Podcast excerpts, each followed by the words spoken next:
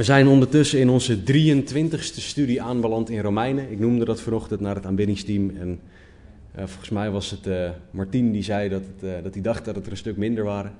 Of in ieder geval dat het niet zo voelde als dat het al zo lang was. Um, ik ben erg gezegend tot nu toe door Romeinen. Ik hoop jullie ook. En als niet, sorry, dan hebben we nog negen hoofdstukken te gaan en een beetje.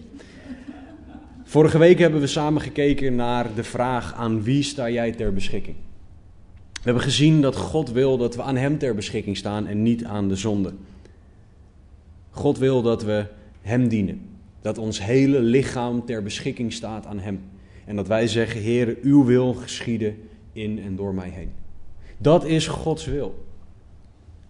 En Paulus is ons aan het uitleggen in de Romeinenbrief dat wij voor God horen te leven. Maar dat rechtvaardig leven, rechtvaardig zijn voor God kunnen leven, alleen kan door geloof in Jezus Christus. Het is niet mogelijk vanuit onszelf. En Paulus liet ons vorige week zien dat door Jezus dood en opstanding wij de zonde niks meer verschuldigd zijn. Wij kunnen ter beschikking staan aan, de zon, of aan God in de plaats van aan de zonde. En daarom kunnen wij kiezen voor leven tot Gods eer.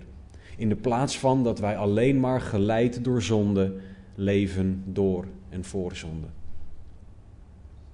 En vandaag gaat Paulus verder op die gedachte. Hij gaat ons laten zien dat wij vrijgemaakt zijn van de zonde. En hij gaat ons laten zien wat dat is en waarom dat zo belangrijk is. Maar vrijgemaakt van de zonde is waar we naar gaan kijken. Laten we lezen Romeinen 6 vanaf vers 15 en we komen zover als vers 18. Wat dan, zegt Paulus? Zullen wij zondigen omdat wij niet onder de wet, maar onder de genade zijn? Volstrekt niet. Weet u niet dat aan wie u uzelf als slaaf ter beschikking stelt tot gehoorzaamheid, u slaaf bent van wie u gehoorzaamt? Of van de zonde tot de dood, of van de gehoorzaamheid tot gerechtigheid? Maar God zij dank. U was wel slaaf van de zonde, maar nu bent u van harte gehoorzaam geworden aan het voorbeeld van de leer waaraan u overgegeven bent. En vrijgemaakt van de zonde bent u dienstbaar gemaakt aan de gerechtigheid. Laten we bidden. Vader God, dank u voor uw woord. Dank u dat u trouw bent, genadig, barmhartig en goed. Dank u wel, heren, dat er geen moment is dat uw karaktereigenschappen ophouden. Of dat u zegt nu even niet. U wel dat u ons vrijgemaakt hebt van de zonde en dat u ons wil laten zien wat dat betekent. Heren, dank u wel dat, dit, dat we nu al voor de 23ste keer naar Romeinen mogen kijken. En heren, persoonlijk ben ik het nog lang niet zat. Maar heren, laat het niet iets zijn waarin we een studie aanhoren en dan intellectueel het heel interessant vinden. Maar dat er niks in ons hart gebeurt. Heren, laat de dienst vandaag doorwerken in de harten. Laat iedereen hier veranderd weggaan. Niet door hoofdkennis, maar doordat onze harten geraakt zijn. En heren, daarvoor moet er niks van mij bij zitten, vooral geen flauwe grappen. Dus heren, alleen maar woorden van u, alleen maar eeuwig leven worden. Dus heren, spreek, doe wonderen alstublieft. En heren, dat vragen we in Jezus' naam. Amen.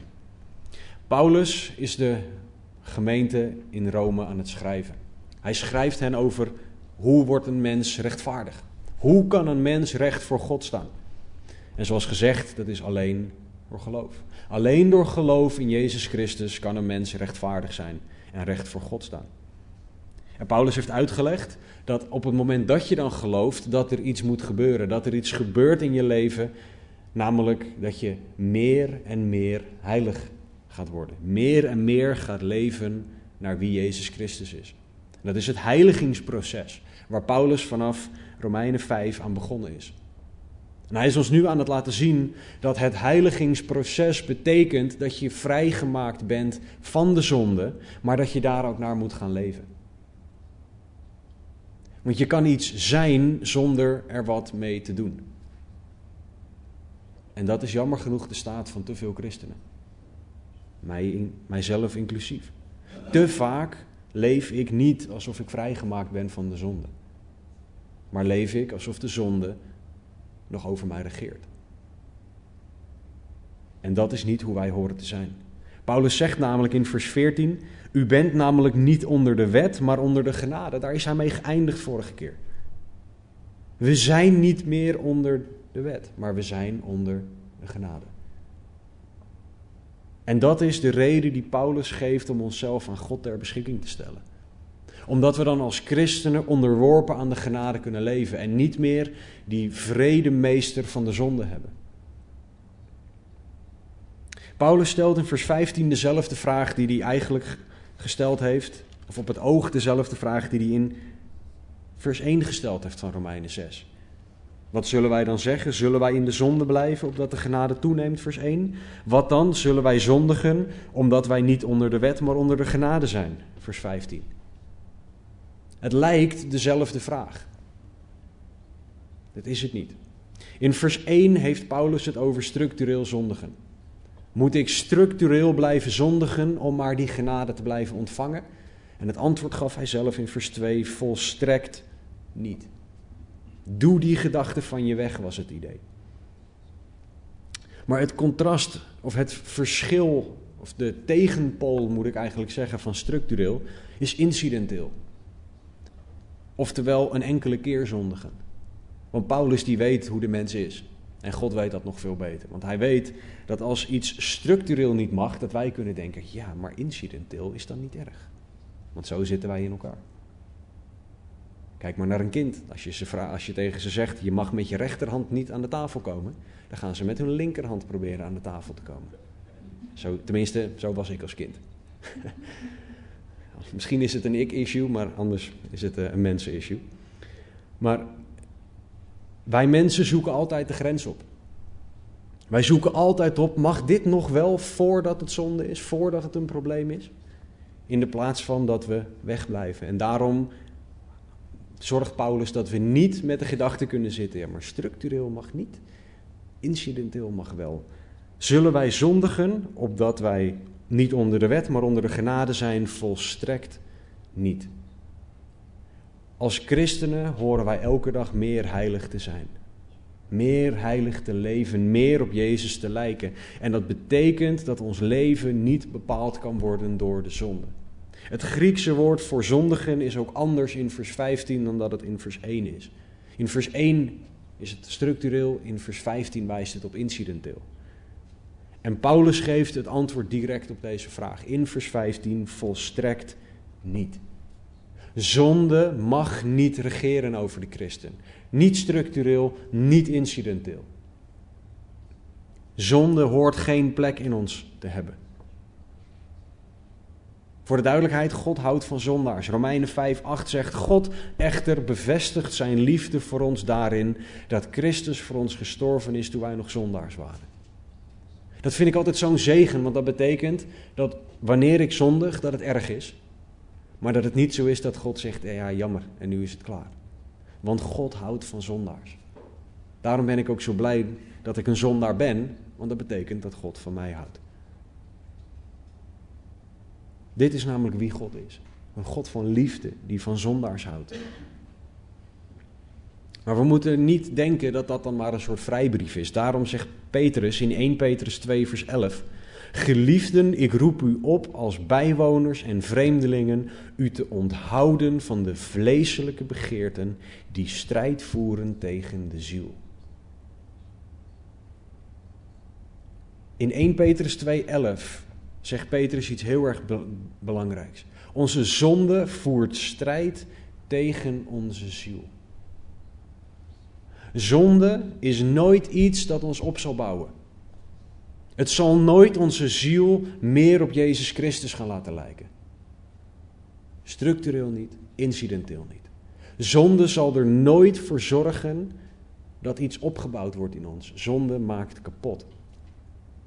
En de vleeselijke begeerten van deze wereld doen dat met ons, als wij daarin meegaan.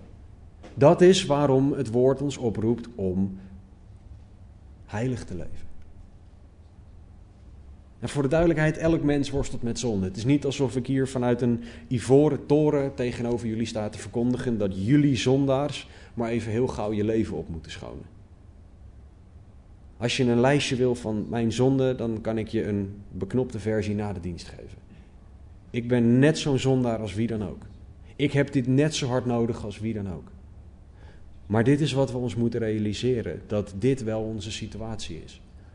God houdt van ons, God redt ons. Maar daarna begint het pas. Daarna begint het leven van meer gaan lijken op Jezus pas. Het is niet zo dat wanneer je gered bent, dat het dan allemaal roze geur en maneschijn is. Nee, dan kom je erachter dat de strijd met de zonde reëel is. En dat we die elke dag mogen strijden. Wij worstelen met zonde als mensen, maar gelukkig is er overwinning. Want het zou heel deprimerend zijn als, we hier zouden, als ik hier zou staan en zou zeggen: Ja, jongens, we hebben een probleem en heel veel succes met uitvogelen hoe je ermee aan de slag gaat. Als je de oplossing hebt, hoor ik het. Nee. 1 Johannes 5, vers 4. Want al wat uit God geboren is, overwint de wereld. En dit is de overwinning die de, die de wereld overwonnen heeft: ons geloof. Als jij wil weten hoe jij die ene zonde kan overwinnen, hoe jij meer op Jezus kan gaan lijken, hoe jij een broeder of een zuster kan bemoedigen en aanmoedigen om heilig en rein te leven, dan is het door geloof. Geloof is de enige manier. En voor de duidelijkheid, dit is niet geloof dat morgen de zon weer opkomt. Dit is niet geloven in mooi weer. Heb je in Nederland toch vaak een probleem. Dit is geloven in Jezus Christus als zoon van God. Dit is geloven dat Jezus voor jouw zonde opgestaan is uit de dood. Dit is geloven dat de Heilige Geest in de christen woont en jou in staat stelt om heilig te leven. Dit is het geloof, het bijbelse geloof waar we het over hebben. En dit is simpel vertrouwen op Hem. Het is niet ingewikkeld, het is zo simpel als een kind die naar zijn of haar papa of zijn of haar mama kijkt en gewoon vertrouwt op de ouder. Als een van mijn dochters van de trap naar beneden springt, ervan uitgaande dat ik er dan onder sta, dan twijfelen ze niet aan het feit dat ik ze opvang. Ik gooi onze jongste dochter ook wel eens hier hoog in de lucht, omdat je hier geen hoog plafond of een heel hoog plafond hebt. Zij denkt er niet aan, oh wat nou als mijn Abba me laat vallen. Zij vindt het gewoon alleen maar leuk dat ze heel hoog in de lucht gegooid wordt. En vertrouwt op mij in dit geval dat ik er weer opvang. En godzijdank is dat tot nu toe ook elke keer goed gegaan. Zo mogen wij vertrouwen op God. Simpel vertrouwen als een kind. Vertrouwen als een kind op God. Er is geen formule, geen specifiek gebed, geen handeling die je kan doen. Een soort van die, die, die gulden regel om het dan maar allemaal even te regelen. Het is geloof. Dat is wat overwinning over zonde geeft. David Guzik heeft hierover gezegd: aangezien in Hem geloven, in Jezus geloven, de sleutel is om opnieuw geboren te worden, is de sleutel tot overwinning geloof niet alleen een eerste kom naar voren en je bent gered geloof, maar een consistent, bestendig geloof. Een continue afhankelijkheid en vertrouwen op Jezus Christus. Het is een consistent, bestendig geloof, een continue afhankelijkheid en vertrouwen op Jezus Christus. Dat is waar we het over hebben. Dit gaat om volhouden, je wanhopig vastklampen aan Jezus Christus. Alleen maar naar Jezus rennen. In elke situatie altijd. Dat is het geloof waar we het over hebben. En dat is het geloof waar de hele Romeinenbrief over gaat. Die relatie met God. Uitstappen in geloof en God vertrouwen. Continu, in elke situatie. Jammer genoeg kunnen wij nu al zeggen dat wij gaan falen. En dat is niet om deprimerend te zijn, dat is om realistisch te zijn. We zijn allemaal zondaren en we gaan allemaal vallen in zonde. De eerste persoon die zegt dat hij niet zondigt, die spreekt 1 Johannes 1,8 tegen. Als wij zeggen dat wij geen zonde hebben, misleiden wij onszelf en is de waarheid niet in ons. Iedereen, iedere christen, altijd van alle eeuwen zondigt.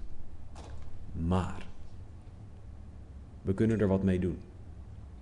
Als je zonde maar gewoon laat zitten, dan gaat het allerlei nare gevolgen met zich meebrengen. Maar wat moet je dan doen als je toch zondigt? Want we weten dat we niet horen te zondigen, maar we weten tegelijkertijd dat we mensen zijn die wel zondigen.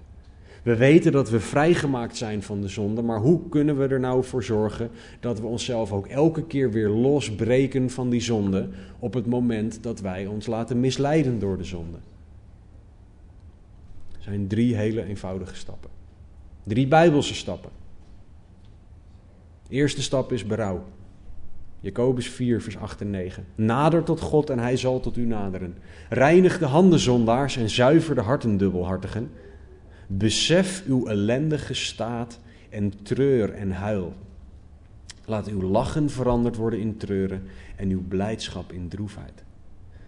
Ook dit is niet een oproep om depressief en deprimerend of wat dan ook te zijn. Dit is de eerste stap in vrijheid van zonde. Dit is berouw over je zonde. Dit is inzien dat je gezondigd hebt en hoe erg jouw zonde is. Dit is inzien dat jouw zonde iets naars is, iets vervelends is. Dit laat zien dat jouw zonde jou niet koud laat. Want anders zou je er niet over gaan huilen. Dit is een reactie van rouw. En voor de duidelijkheid, echte berouw is heel anders dan berouw omdat je gepakt bent terwijl je aan het zondigen was. Dat zijn twee totaal verschillende dingen. Want als jij gepakt wordt tijdens de zonde, terwijl je iets doet, dat iemand je snapt, dat iemand je op een leugentje betrapt, dat, nou ja, het maakt allemaal niet uit. Dan voel je je vaak schuldig en vind je het vooral vervelend dat je gepakt bent. Maar dat is iets anders dan huilen en treuren over het feit dat jij tegen God zelf gezondigd hebt. Dat is iets heel anders. En levert ook een hele andere reactie op. Want echte berouw is iets dat God in je hart legt. Want God is dan degene die laat zien: dit is jouw zonde, dit is wat jij gedaan hebt. En daar kwets jij mij mee, maar het is vooral gewoon een zonde, is wat God dan laat zien. En alleen God kan jou laten zien hoe erg een zonde is, wat je gedaan hebt. En hij kan je als enige echte berouw geven. Maar het houdt niet op bij berouw. De tweede stap is bekering. 2 Korinthe 7, vers 9 en 10. Nu verblijd ik mij. Niet omdat u bedroefd bent geweest, zegt Paulus, maar omdat u bedroefd bent geweest tot bekering. Weer dat verschil. Bedroefd omdat je gepakt bent of bedroefd geweest tot bekering. Want u bent bedroefd geweest overeenkomstig de wil van God, zodat u in geen enkel opzicht door ons schade hebt geleden. Want de droefheid die overeenkomstig de wil van God is, hier komt hij, brengt een onberouwelijke bekering tot zaligheid teweeg. Maar de droefheid van de wereld brengt de dood teweeg. Na rouw en berouw, na inzien dat je gezondigd hebt, komt er bekering. En het Griekse woord voor bekering is echt een prachtig woord. Dat is het woord metanoia. En dat woord betekent van gedachten veranderen. Bijbelcommentator Barnes heeft hierover gezegd: dit woord betekent een verandering van gedachten of doel. Het wijst op een positieve verandering, een verandering in gedachten die blijft en productief is in haar gevolgen. Een verandering die optelt tot blijvende hervorming. Metanoia. Bekering is blijvend van gedachten veranderen over zonde. Dit betekent dat jij jouw daad gaat zien voor wat die is. Namelijk zonde in Gods ogen. Want je gaat dan aannemen en geloven, accepteren dat alleen God dingen juist ziet. Want God is perfect. Matthäus 5. God is heilig. Leviticus 19. God is rechtvaardig. Psalm 145. En omdat Hij die dingen is, neem je bij bekering aan dat wat God zegt waar is. Bekering, metanoia, van gedachten veranderen. Dat is wat wij nodig hebben. En dit, net als echte berouw, is dit iets dat alleen God in je hart kan leggen. Want je moet er echt van overtuigd zijn door God dat iets zonde is. En dat kan alleen God doen als je echt voor Hem leeft. Berouw, bekering, maar dan is het nog niet klaar. Want ik zei drie stappen en ik ben pas bij één en twee. Derde stap is minimaal net zo belangrijk. Zonde beleiden. 1 Johannes 1 vers 9. Als wij onze zonde beleiden, Hij is getrouw en rechtvaardig om ons de zonde te vergeven en ons te reinigen van alle ongerechtigheid.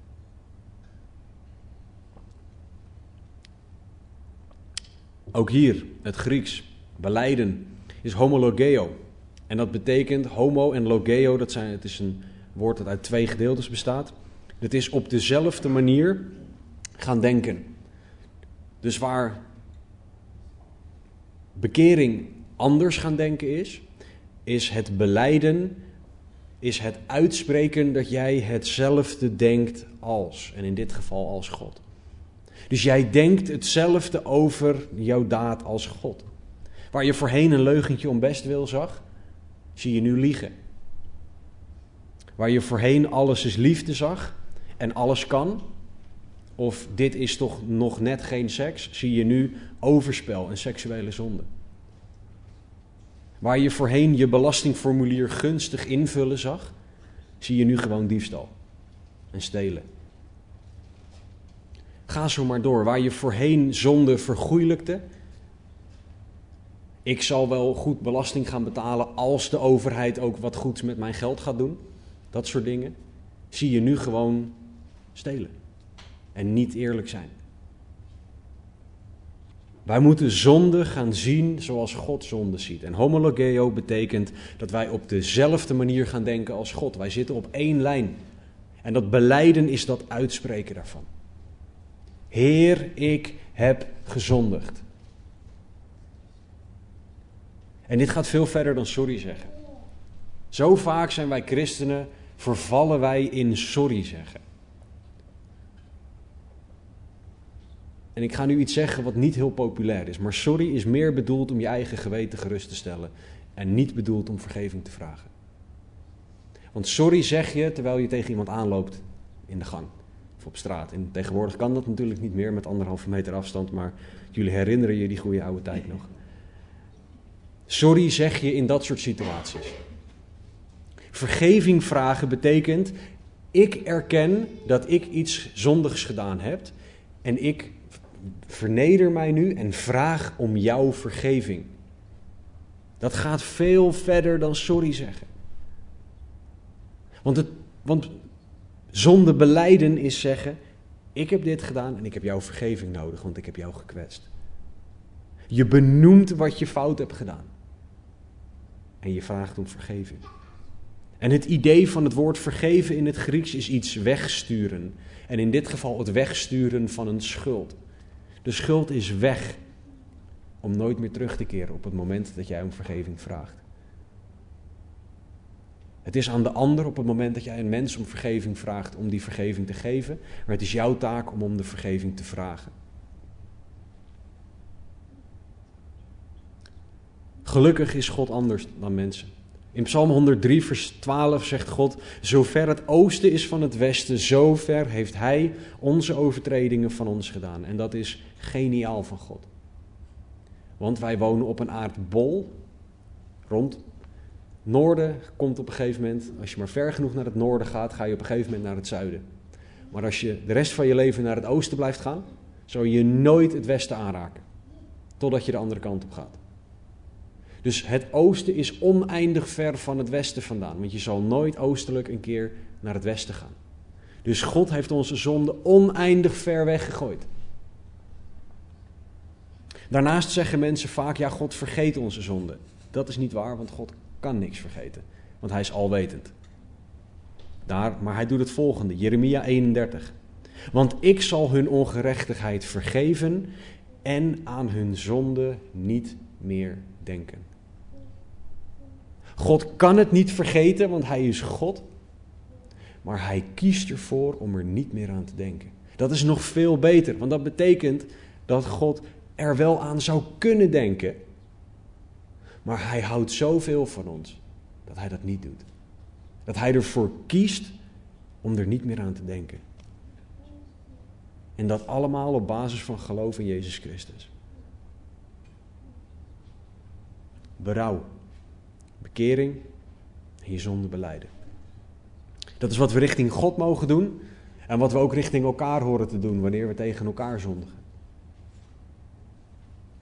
In eerste instantie, Psalm 51, zondigen wij tegen God. Maar er is eigenlijk geen enkele zonde die alleen tegen God is. Als ik lieg, dan lieg ik tegen een ander. Op het moment van overspel is er altijd twee mensen. Op het moment dat je steelt, steel je van iemand. Ga zo maar door. Er is geen zonde die je eigenlijk alleen tegen jezelf doet. En daarom horen we ook berouw richting elkaar, bekering richting elkaar en zonde beleiden richting en dus vergeving vragen richting elkaar te hebben. Christen, wij horen niet te volharden in zonde. Incidenteel, structureel, wij horen niet te zondigen, want heilig en rein is de standaard.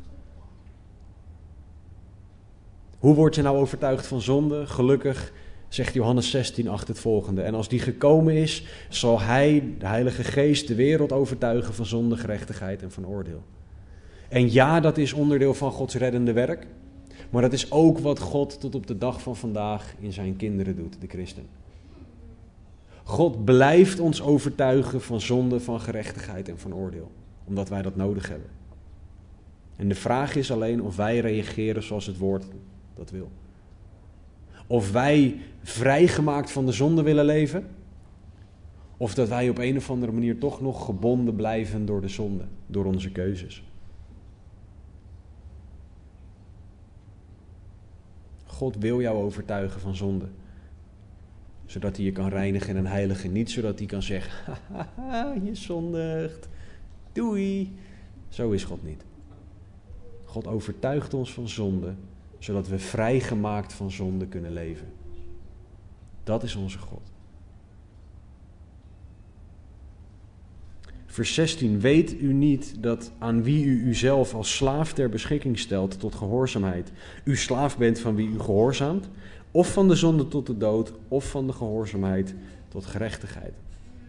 Paulus wil het punt even heel duidelijk maken. Wanneer jij zondigt, structureel of incidenteel, ben jij op dat moment een slaaf van de zonde. Dan gehoorzaam jij God niet meer. Als jij jezelf ter beschikking stelt aan zonde, is zonde jouw meester geworden. En zonde is een verschrikkelijke meester. Want het is nooit genoeg voor zonde. Het moet altijd meer, het moet altijd heftiger, altijd kost het meer en levert het minder op.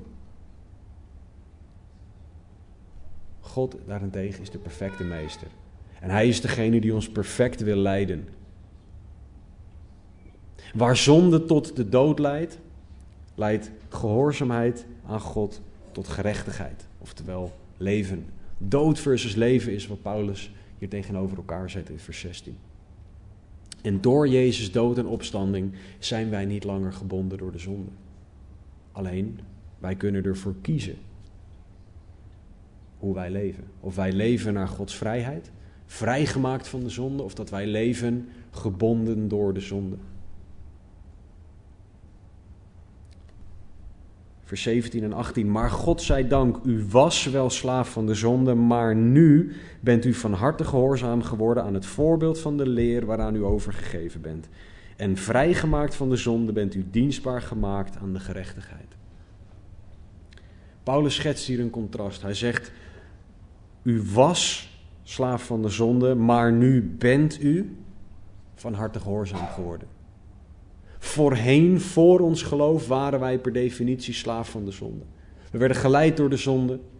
We waren gericht op plezier, op onszelf, me, myself en I. Onze persoonlijke drie-eenheid is waar we op gericht waren. In de plaats van dat wij op God gericht waren. Want op het moment dat God een mens tot zichzelf trekt, worden wij van harte gehoorzaam aan God. En dat vind ik een hele lastige voor mezelf. En ik denk meer met mij, want God wil dat wij van harte gehoorzaam zijn, in de plaats van dat wij gericht zijn op, maar ik mag dit niet meer. Weet je waar dat een bewijs van is? Dat er nog ergens iets van zonde zit, dat de overhand heeft. Want dan richten we op ons op wat we niet meer mogen, terwijl we in Christus vrij zijn en we zoveel wel mogen. En we zoveel voorrecht hebben. Die relatie met God zorgt ervoor dat we bepaalde dingen niet meer willen. Ik heb het wel eens vaker verteld, voordat ik uh, trouwde met Amit, was ik gewoon een ongelofelijke voetbaljunkie. En wat ik daarmee bedoel is dat ik gewoon meer uren dan dat ik wil toegeven, voetbal gekeken heb. Ik was, en ik vertelde dat afgelopen week tegen Rick en die viel toen bijna van, van de bank af. Ik was bereid om niet naar een bijbelstudie te gaan om voetbal te kijken. Want ik wilde voetbal kijken. En ik diende het voetbal kijken. Het was een afgod geworden in mijn leven. En ik was niet van harte gehoorzaam aan God. Want God zei dat ik de samenkomst niet moest verzaken. En ik had echt geen goede reden om niet naar de samenkomst te gaan. Want omdat ik voetbal wil kijken, dat is niet wat er in het woord staat. Gij zult de samenkomst niet verzaken tenzij u voetbal wil kijken. Dat staat er niet. Ik was niet van harte gehoorzaam aan het woord in dat opzicht. Ik was van harte gehoorzaam aan mijn eigen vlees. Maar God is mij gaan veranderen. Waardoor ik nu van harte naar de samenkomst ga en ik me niet meer kan herinneren wat de laatste keer is dat ik een volledige voetbalwedstrijd heb gekeken. Jee, dank u Heer.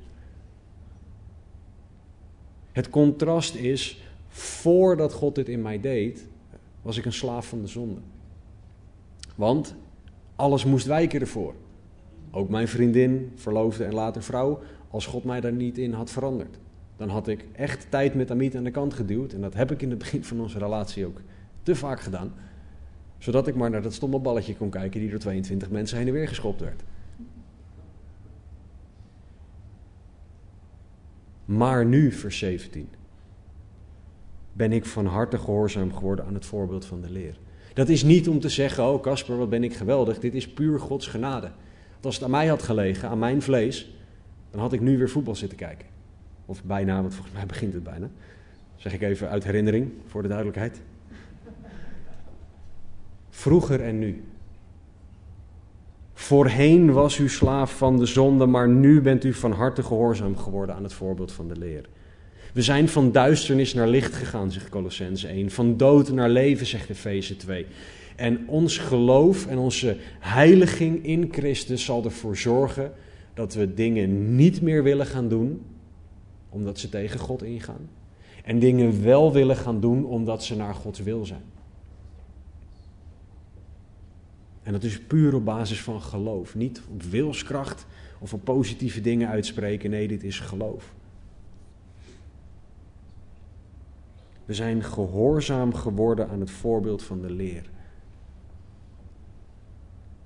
We zijn gehoorzaam geworden. En het woord voorbeeld in het Grieks wijst op een mal of een gietvorm. Nou denk ik dan gelijk aan een bakvorm, want dat betekent iets lekkers om op te eten. Mag ook, maar het idee is dat je gevormd wordt naar iets. Het idee is dat wij gehoorzaam worden en gevormd worden door de leer. En de leer is het woord van God. Dat is niet wat ik hier op zondagochtend sta te blaten. Dat heeft te maken met het woord van God. We moeten het woord van God volgen. Dat is de leer die we moeten volgen. Als ik iets zeg wat niet matcht met het woord, is het woord waar. Nooit wat ik zeg. Jullie moeten ook alles toetsen wat ik zeg. Want het is niet waar omdat ik hier toevallig achter een houten doos sta. Sorry Sten. Het is waar als het in het woord staat. En dat is wat wij nodig hebben. Wij horen gehoorzaam te zijn aan het woord van God.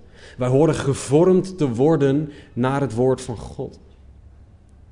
En dat is het proces van heiliging, hervormd worden naar wie God is. Hervormd worden in ons denken, in ons doen en in ons laten naar het woord van God. Want dat is wat belangrijk is. Ik weet niet of je weet hoe metaal gesmolten wordt. Ik weet er heel weinig vanaf. Maar ik weet, dit weet ik wel. Het gaat niet makkelijk. Je hebt er vuur voor nodig. En dat is het proces waar wij doorheen gaan wanneer wij geheiligd worden. God reinigt ons. Hij heiligt ons door soms letterlijk een vuur onder ons aan te steken. En alles eruit te halen wat niet puur is. Dit is het heiligingsproces en dat is niet makkelijk. niet leuk altijd. Want soms wil God dingen uit ons smelten die heel diep zitten. En duurt het heel lang voordat het vuur heet genoeg is en wij genoeg gesmolten zijn, voordat God dat uit ons kan peuteren. Dit doet God niet voor de lol trouwens. Het is niet dat God in de hemel zit en denkt: laten we nou eens even lekker een vuurtje aansteken. God die wil dat we heilig worden. Dat we meer als Jezus worden. En daarom is Hij bereid om dingen te doen die goed zijn voor ons, ook als ze niet leuk zijn voor ons. Ook ouders, over het algemeen zullen ouders willen dat hun kinderen hun groente opeten, want groente is gezond. Ondanks dat kinderen het misschien niet altijd leuk vinden. Of dat je als ouder het proces van het je kind de groente laten opeten niet leuk vindt. Je doet daarbij, je doet als ouder, doe je dingen die goed zijn voor je kinderen.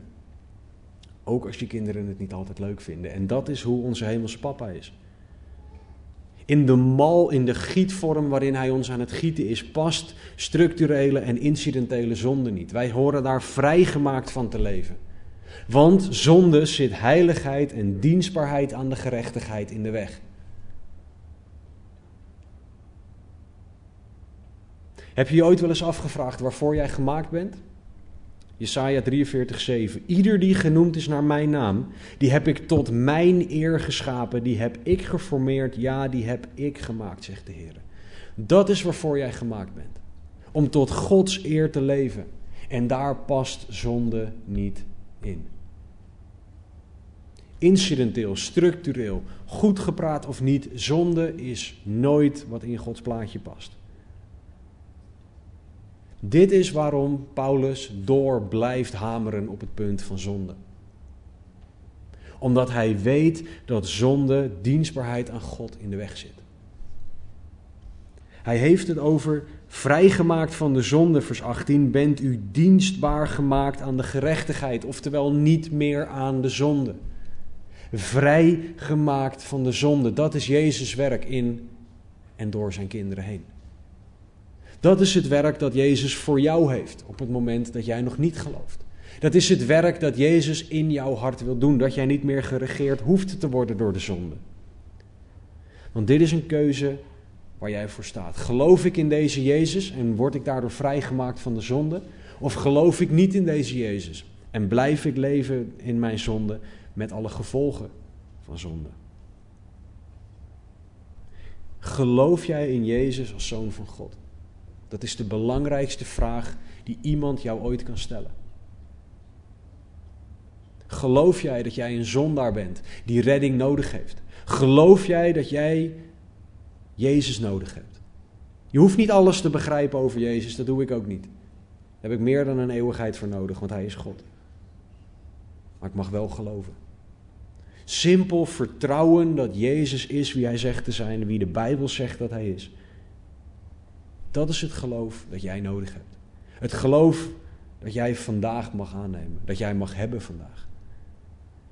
Dus vraag om vergeving aan God voor je zonde. Zeg, Heer, vergeef me, want ik heb gezondigd.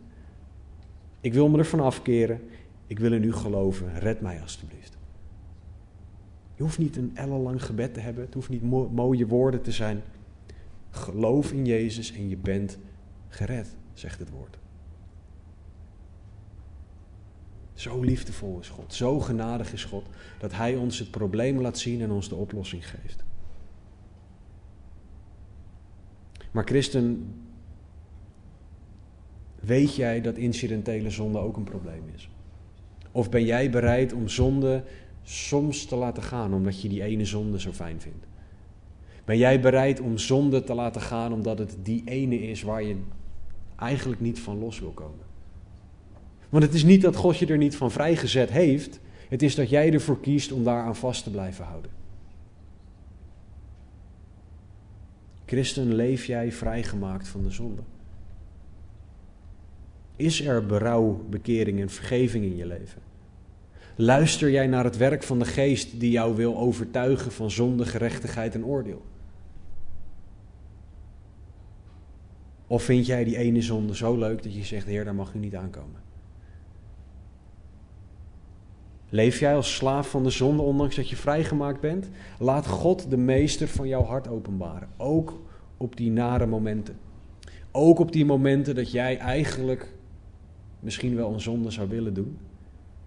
Dat God dan laat zien, hé, maar nu moet je voor mij kiezen. Christen, leef jij van harte naar de leer van het woord? Of ben jij zo modern dat jij altijd een maar hebt? Dat je gaat debatteren met God. Heer, u zegt wel, maar in deze situatie hebt u ook gedacht aan. Of laten we dit even rationeel bekijken en niet vanuit het woord.